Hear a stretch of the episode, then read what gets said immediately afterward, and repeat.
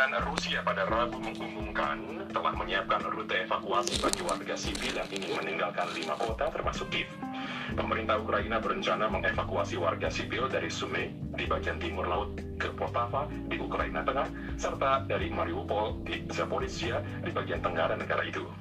Salah satu juru runding Ukraina mengatakan lebih dari 40 ribu orang dievakuasi dalam satu hari pada Rabu.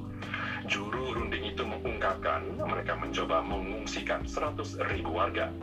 Para pejabat Ukraina mengatakan Rusia tidak menjamin keselamatan para pengungsi karena tentaranya masih mengebom sejumlah rute. Ukraina menolak evakuasi warganya ke Rusia dan Belarusia. Rusia menuduh Ukraina mengabaikan tawarannya.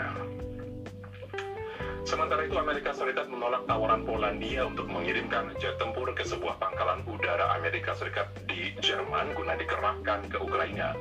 Juru bicara Pentagon John Kirby mengatakan Menteri Pertahanan Amerika Serikat Lloyd Austin dan Menteri Pertahanan Polandia Mariusz Blaszczak berbicara melalui telepon pada Rabu kemarin. Washington menolak tawaran Polandia mengirimkan jet tempur MiG-29 sebagai alternatif pengganti pesawat tempur dari Amerika Serikat pilot Ukraina sendiri telah dilatih untuk menambahkan pesawat jenis itu. Kirby mengatakan Amerika Serikat menyediakan Ukraina dengan persenjataan, termasuk sistem pertahanan udara dan anti-tank yang berguna untuk menghalau serangan. Ia juga mengatakan bahwa menyediakan jet tempur ke Ukraina mungkin akan disalahartikan sebagai upaya provokasi dan bisa memicu reaksi signifikan dari Rusia yang dapat meningkatkan prospek eskalasi militer dengan NATO. Presiden Ukraina Volodymyr Zelensky sebelumnya telah meminta bantuan militer yang lebih kuat, termasuk jet tempur dari negara-negara lain. Rusia pada pekan ini memperingatkan negara-negara yang menawarkan kekuatan udara ke Ukraina untuk melakukan serangan akan secara langsung terlibat dalam konflik ini. Kongres Amerika Serikat meloloskan rancangan anggaran belanja federal dalam jumlah yang sangat besar pada Rabu dengan dukungan dari semua partai.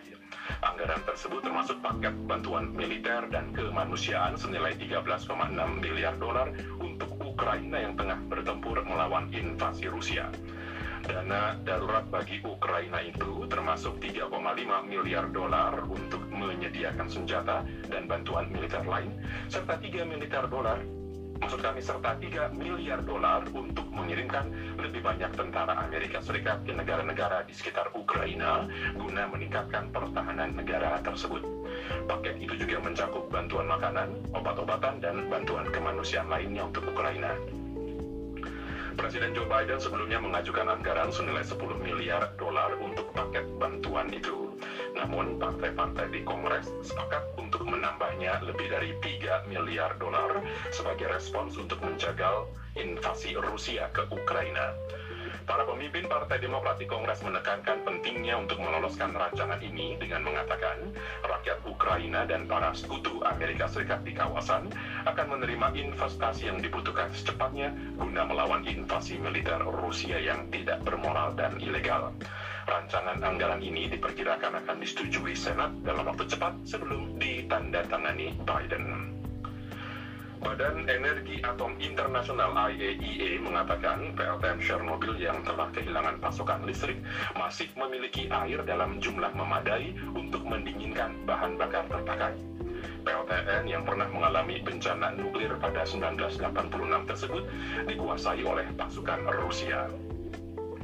Laman Twitter IAEA mengutip pernyataan Direktur Jenderal Rafael Grossi yang mengatakan pemutusan pasokan listrik ke seluruh PLTN merupakan pelanggaran terhadap salah satu dari tujuh pilar keamanan dan keselamatan nuklir.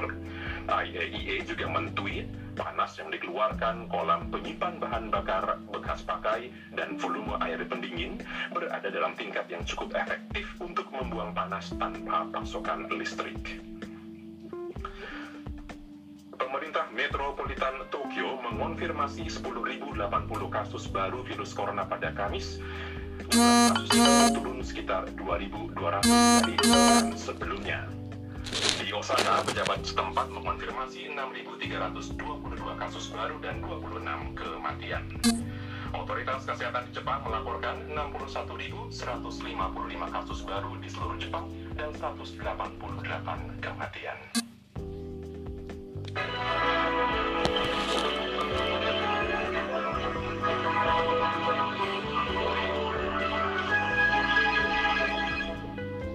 Saudara NHK menjawab berbagai pertanyaan dari para pendengar mengenai virus corona. Jepang mulai memberikan vaksin COVID-19 kepada anak-anak berusia 5 hingga 11 tahun. Dalam serial ini, kami membahas mengenai vaksinasi terhadap anak-anak. Pada bagian ketiga kali ini, kami akan mengulas tentang tingkat keamanan pada uji klinis. Pfizer dan BioNTech telah melakukan uji klinis atas lebih dari 2.200 anak-anak berusia 5 hingga 11 tahun di Amerika Serikat, Spanyol, dan wilayah lainnya. Terdapat laporan mengenai sejumlah reaksi atau kejadian ikutan pasca imunisasi, seperti rasa sakit pada tempat suntikan serta kelelahan. Namun, sebagian besar di antaranya bersifat ringan hingga sedang dan membaik dalam satu hingga dua hari. Berikut keterangan lebih lanjut terkait gejala spesifik yang muncul. Rasa sakit di bagian yang disuntik dilaporkan terjadi pada 74% kasus setelah dosis pertama dan 71% kasus setelah dosis kedua. Kelelahan dilaporkan pada 34% kasus setelah dosis pertama dan 39% kasus setelah suntikan kedua. Sakit kepala dilaporkan pada 22% kasus setelah suntikan pertama dan 28% kasus setelah suntikan kedua. Kemerahan di tempat suntikan teramati pada 15% kasus setelah dosis pertama dan 19% setelah dosis kedua. Pembengkakan dilaporkan pada 10% kasus setelah suntikan pertama dan 15% setelah suntikan kedua. Sakit otot dilaporkan terjadi pada 9% kasus setelah dosis pertama dan 12% kasus setelah dosis kedua. Meriang teramati pada 5% kasus setelah dosis pertama dan 10% kasus setelah dosis kedua. Demam hingga 38 derajat Celcius dilaporkan pada 3% kasus setelah dosis pertama dan 7% kasus setelah suntikan kedua. Dilaporkan bahwa antipiretik digunakan pada 14% kasus setelah dosis pertama dan 20% kasus setelah dosis kedua. Informasi ini tertanggal 3 Maret.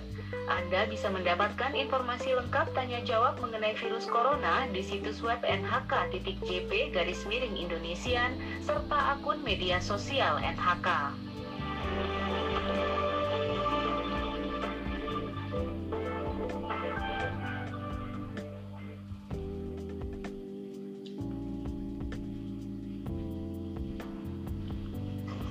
Anda tengah mendengarkan Warta Berita NHK World Japan. Saudara pendengar, pemerintah Jepang menyayangkan penerapan undang-undang Rusia yang menawarkan pengecualian pajak kepada perusahaan yang berinvestasi di empat pulau yang dikuasai Rusia dan diklaim Jepang. Jepang menyebut pulau-pulau tersebut sebagai wilayah utara. Menteri Sekretaris Kabinet Matsuno Hirokazu pada Kamis mengatakan, pemerintah telah menyampaikan kepada Rusia bahwa langkah tersebut bertentangan dengan prinsip Jepang. Matsuno mengatakan pemberlakuan sistem pajak istimewa berdasarkan hukum Rusia bagi pembangunan ekonomi di kawasan tersebut, termasuk wilayah utara dan menarik perusahaan Jepang serta asing untuk terlibat, bertolak belakang dengan prinsip Jepang. Ia mengungkapkan tindakan itu bertentangan dengan tujuan aktivitas ekonomi bersama Jepang-Rusia yang telah dibahas kedua negara untuk dijalankan di pulau-pulau tersebut. Matsuno menyayangkan Rusia yang tetap memperlakukan sistem pajak istimewa itu, meskipun Jepang berulang kali menyampaikan sikapnya atas wilayah utara. Rusia menguasai empat pulau tersebut, pemerintah Jepang menyatakan pulau-pulau itu diduduki secara ilegal setelah Perang Dunia Kedua. Saudara pendengar Yoon Suk Yeol dari Partai Oposisi Utama Partai Kekuatan Rakyat terpilih sebagai Presiden Korea Selatan selanjutnya. Ia terpilih dengan selisih suara yang sangat tipis. Kubu konservatif akan kembali berkuasa setelah lima tahun dikuasai kubu liberal. Pemilihan presiden kali ini sangat ketat dari awal hingga akhir. Hasil penghitungan suara menunjukkan perolehan suara Yoon dan Yi Jae-myung dari Partai Demokrat yang berkuasa hanya berselisih kurang dari satu poin persen. Orang-orang di Seoul terkejut tetapi banyak yang berharap dari hasil pemilu ini. Yoon memenangkan pemilihan presiden setelah salah satu kampanye paling sengit dalam sejarah. Namun, hasil pemilu itu menunjukkan sikap politik masyarakat Korea Selatan yang masih terbelah. Perdana Menteri Jepang Kishida Fumio menyampaikan selamat kepada Yoon Suk Yeol dari Korea Selatan atas kemenangannya dalam pemilu presiden. Kishida menyampaikan harapan kerjasama erat dengan Yoon dalam meningkatkan hubungan bilateral. Kishida mengatakan hubungan bilateral antara Jepang dan Korea Selatan penting dalam mewujudkan tatanan internasional yang berlandaskan aturan hukum, serta bagi perdamaian, stabilitas, dan kemakmuran di kawasan serta dunia. Kishida juga menyebutkan pentingnya kerjasama trilateral antara Jepang, Amerika Serikat, dan Korea Selatan. Ia mengatakan Jepang dan Korea Selatan harus mengembangkan hubungan bilateral berdasarkan persahabatan dan kerjasama yang telah dibangun sejak normalisasi hubungan diplomatik pada 1965. Kishida mengungkapkan dirinya menantikan kepemimpinan Yoon sebagai Presiden Korea Selatan. Ia menyebutkan hubungan Jepang dan Korea Selatan saat ini dalam situasi yang sulit, tetapi itu tidak boleh dibiarkan. Hubungan bilateral masih dingin karena sejumlah isu, termasuk mereka yang dirujuk sebagai wanita penghibur dan pekerja masa perang. Saudara pendengar, laporan tahunan kepolisian Jepang menyatakan korban kekerasan terhadap anak di negara ini mencatat rekor tertinggi pada tahun lalu. Badan Kepolisian Nasional menyatakan 108.059 anak-anak berusia 17 tahun ke bawah dirujuk ke pusat-pusat konsultasi anak sebagai terduga korban kekerasan pada 2021. Jumlahnya naik 1.068 dibandingkan tahun sebelumnya. Kepolisian mengungkap 2.174 kasus kekerasan terhadap anak dan mengonfirmasi 2.219 korban. Kedua angka ini juga merupakan rekor tertinggi. Total 54 anak dilaporkan meninggal. Guna menghindari luputnya kasus kekerasan, tahun lalu badan tersebut mulai menerapkan sistem komputer yang mengintegrasikan informasi yang dilaporkan petugas kepolisian di lapangan untuk menentukan tingkat bahaya yang dihadapi seorang anak. Sistem itu terdiri dari 48 pertanyaan, termasuk soal luka-luka dan lingkungan keluarga. Risiko kekerasan kemudian dinilai secara otomatis dalam skala 4. Badan tersebut tengah meningkatkan upaya untuk mendeteksi potensi kekerasan dalam rumah tangga karena orang-orang terus berada di rumah akibat pandemi virus corona. Sekian warta berita NHK World Japan yang dipancar luaskan langsung dari Shibuya, Tokyo. Terima kasih untuk kebersamaan Anda.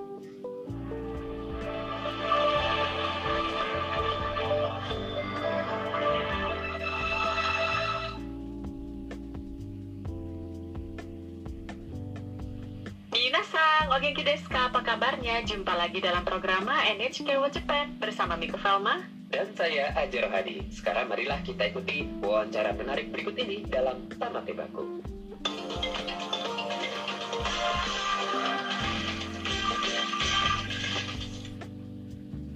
Saudara, dalam pemerintahan daerah di Jepang, terdapat orang-orang muda dari luar negeri yang bekerja sebagai CIR atau Coordinator for International Relations atau Koordinator bagi Hubungan Internasional. Mereka didatangkan khusus untuk bertugas dalam kegiatan pertukaran internasional di komunitas setempat. Kebanyakan dari mereka bertugas di bawah program JET, the Japan Exchange and Teaching Program, atau program pertukaran dan pengajaran Jepang. Serial Taman Tebako kali ini menghadirkan wawancara dengan beberapa CIR dari Indonesia yang bertugas di berbagai daerah di Jepang. Untuk kali ini, kami sajikan perbincangan dengan Dila Fortuna Riyadi yang bertugas di Provinsi Shizuoka bersama rekan Aji Rohadi. Wawancara secara daring ini dilaksanakan pada 28 Februari lalu. Selamat mendengarkan. Perkenalkan nama saya Dila Fortuna Riyadi, tapi karena Diela, jadi kadang-kadang saya juga dipanggil Dila atau Diela begitu. Waktu SMA, saya pertama kali belajar bahasa Jepang.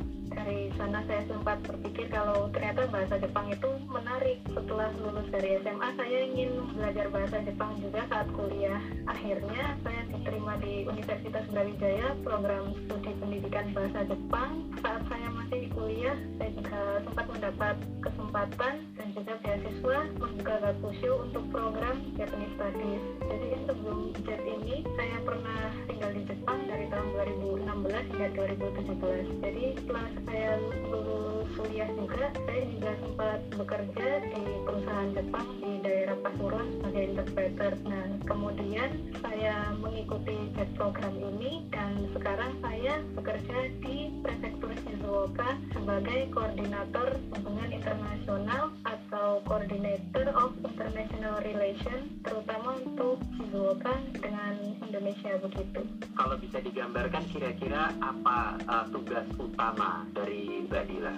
tugas utama dari CIR yang saat ini bekerja di kantor gubernur prefektur Shizuoka adalah menyampaikan informasi-informasi dari pemerintah daerah Shizuoka kepada orang-orang yang tinggal di Shizuoka misalnya tentang corona, tentang bencana alam dan lain-lain salah satu caranya adalah kami menggunakan media Facebook untuk menyampaikan informasi tersebut dalam bahasa selain bahasa Inggris misalnya. Karena saya orang Indonesia saya juga menyampaikan informasi tersebut dalam bahasa Indonesia begitu Jadi bagi warga Shizuoka yang mendapatkan informasi dalam bahasa Indonesia, inilah Mbak Dila orangnya yang bertanggung jawab ya.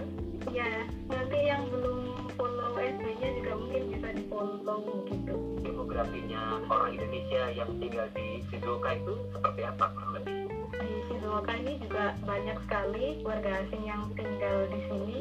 Indonesia sendiri menempati peringkat ketujuh yang paling banyak dan hingga tahun lalu bulan Juni tahun lalu itu ada sekitar 3.201 orang Indonesia yang tinggal di Shizuoka. Paling banyak itu sekitar 55% itu adalah pemagang atau kinoji shusei begitu. Magang kerja teknis ya. Iya betul.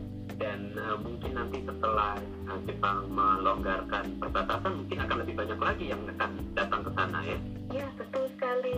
Salah satu pekerjaan saya memang menjadi penyambung antara pemerintah Jepang dengan orang-orang Indonesia yang tinggal di Shizuoka juga. Ini mungkin masih belum berjalan ya, tapi salah satu tugas saya adalah mencari orang-orang apa yang bisa dijadikan key person setiap kota. Kemudian apabila kami dari kantor pemerintah Shizuoka ingin mengadakan event atau sesuatu misalnya pelatihan tentang bencana kesiagapan tentang bencana alam atau sebagainya terhadap orang-orang asing misalnya orang-orang yang tinggal di salah satu wilayah di Shizuoka saya bisa menghubungi key person tersebut dan key person tersebut bisa membantu saya untuk berkoordinasi kapan untuk pelaksanaannya kemudian di mana pelaksanaannya dan lain-lain begitu Wah, dengan demikian jadi lebih mudah untuk melakukan koordinasi kepada seluruh warga asing yang ada di sana ya.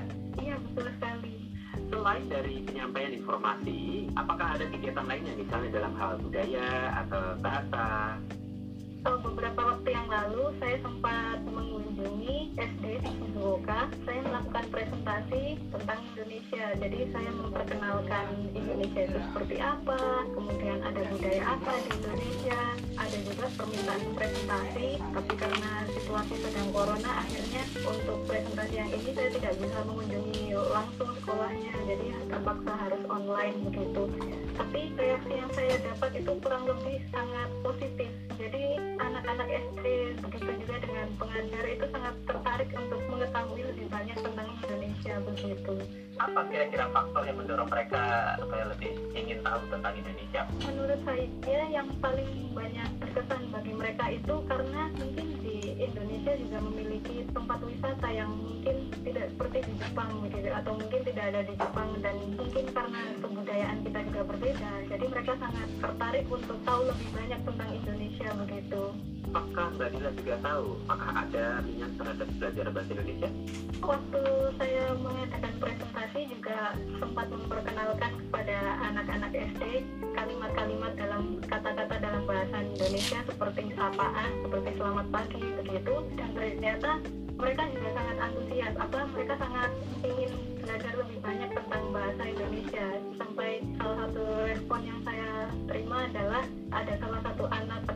yang mengatakan saya ingat kalau sama-sama artinya duitasmaste dalam bahasa Jepang begitu Menarik sekali ya. iya Eh, jadi tugas Mbak Dila menjembatani benar-benar dua arah. iya betul Salah satu hal yang ingin saya tanya kepada Mbak Dila sebagai orang yang bisa memperkenalkan provinsi Shizuoka adalah kira-kira apa sih daya tarik atau potensi wisata provinsi Shizuoka? prefektur Shizuoka atau provinsi Shizuoka ini kan tempatnya ada di Pulau Honshu di bagian tengah. Jadi akses ke sini juga mudah. Kalau Shizuoka pasti yang paling terkenal adalah Gunung Fuji. Karena Gunung Fuji ada di Shizuoka. Mungkin yang banyak orang-orang tidak tahu adalah di Shizuoka itu ada tempat namanya Mihono Matsubara. Jadi itu adalah pantai. Di pantai itu kita tidak hanya bisa melihat laut, tapi kita juga bisa melihat Gunung Fuji. Kan kapan lagi ya kalau misalnya foto di laut, nah di pantai, tapi juga bisa kelihatan Gunung Fuji kan itu sangat menarik. Kemudian ada teman-teman yang suka dengan anime itu mungkin yang seumuran saya mungkin tahu tentang Chibi Maruko-chan juga. Jadi kalau misalnya wisata ke Shizuoka terus bingung mau ke mana, mungkin bisa ke museumnya Chibi Maruko-chan karena pengarangnya Chibi Maruko-chan itu orang Shizuoka, jadi ada museumnya di Shizuoka begitu. Ya. Ya tentunya kalau kita ke Gunung Fuji, kita tahu bahwa Gunung Fuji terletak di antara dua provinsi dan salah satunya adalah Shizuoka. Dan Shizuoka juga terkenal sama tehnya kalau nggak salah ya. Iya betul sekali. Ini juga ada kaitannya dengan pekerjaan saya. Beberapa hari yang lalu saya berkesempatan pergi ke salah satu wilayah di Shizuoka, namanya di wilayah Ukabedo. Di sana ada tempat yang terkenal Gyokuro. Ini agak sedikit menarik sih kalau saya bilang karena teh Gyokuro ini cara budidayanya agak beda dengan teh pada umumnya. Jadi tehnya itu ditutup dengan semacam kain vinil itu supaya tidak terkena sinar matahari. Hasil dari tehnya itu sendiri sangat berbeda rasanya dengan teh hijau kebanyakan yang dijual secara umum. Menurut saya ini juga salah satu khasnya Shizuoka gitu. Badila bagi umat muslim atau orang yang memerlukan makanan halal yang tinggal di Shizuoka atau mungkin berkunjung ke Shizuoka, apakah mudah untuk mendapatkan makanan halal? Oke, jadi di Shizuoka ini kami menyediakan situs portal halal atau halal portal site. Jadi dengan mengakses situs itu kita bisa mencari restoran mana saja yang menjual makanan halal atau muslim friendly. Selain makanan halal, kita juga bisa mencari info misalnya tempat wisata mana saja kan yang menyediakan prayer room jadi waktu kita berwisata terus tiba-tiba sudah jam sholat kita tidak perlu khawatir karena ada prayer room yang disediakan di tempat wisata tersebut Wah, dan ini juga informasinya salah satunya tersedia dalam bahasa Indonesia ya. iya betul Garasi. Badila sudah berapa lama berada di Shizuoka? Kan lagi pandemi ya, mungkin datangnya terlambat.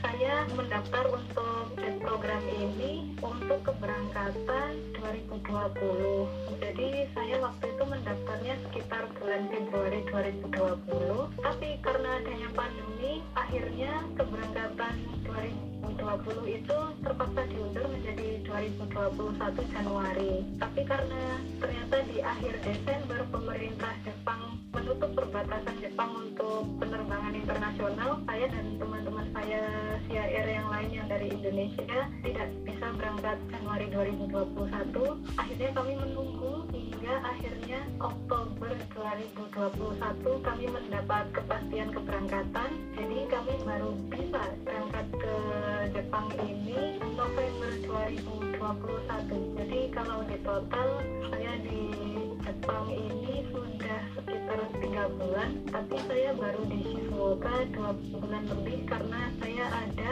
karantina dua minggu di Tokyo begitu Wah, karena pandemi semuanya jadi berubah rencananya ya. Mbak Dila pun iya betul juga terkena imbasnya. Nah, kalau sekarang bagaimana situasi di Provinsi Shizuoka secara umum dengan diadakannya langkah pencegahan atau mandemboshi? kalau untuk di Shizuoka sendiri akhir-akhir ini terdapat penurunan kasus tapi untuk langkah pencegahannya sebenarnya hingga tanggal 20 Februari saja. Tapi karena waktu itu Februari masih tinggi akhirnya diperpanjang hingga Maret Bagaimana suasana? Seperti apa kira-kira kita kan yang di luar Shizuoka nggak tahu ya.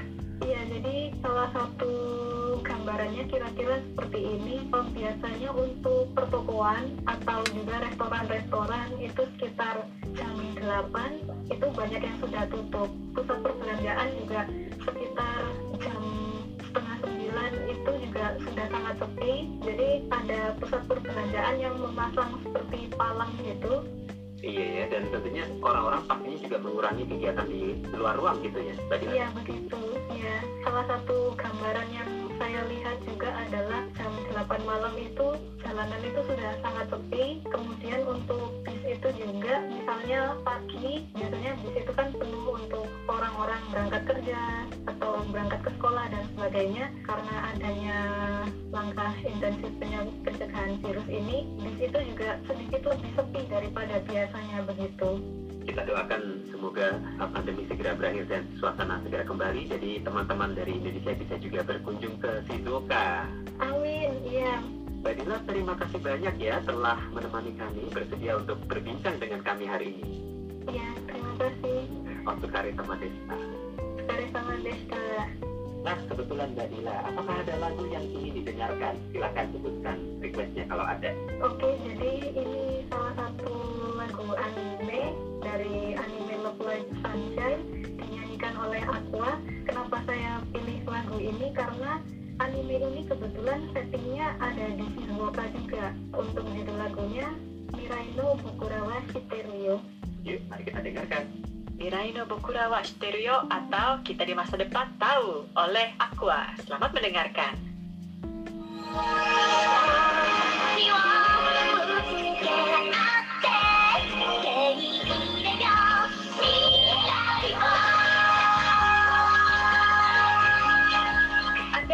mendengarkan NHK World Japan siaran bahasa Indonesia. Melalui gelombang pendek atau SW kami mengudara tiga kali sehari. Yang pertama pukul 18.15 sampai 18.45 waktu Indonesia Barat di frekuensi 17830 kHz.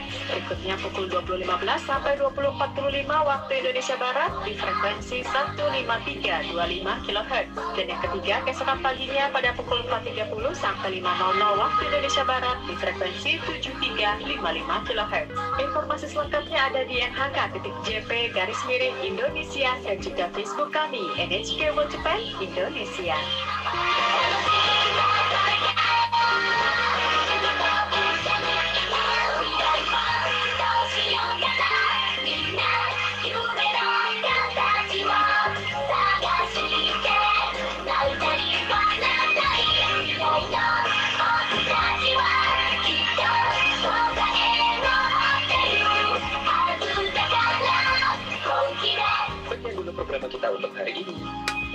telah mendengarkan.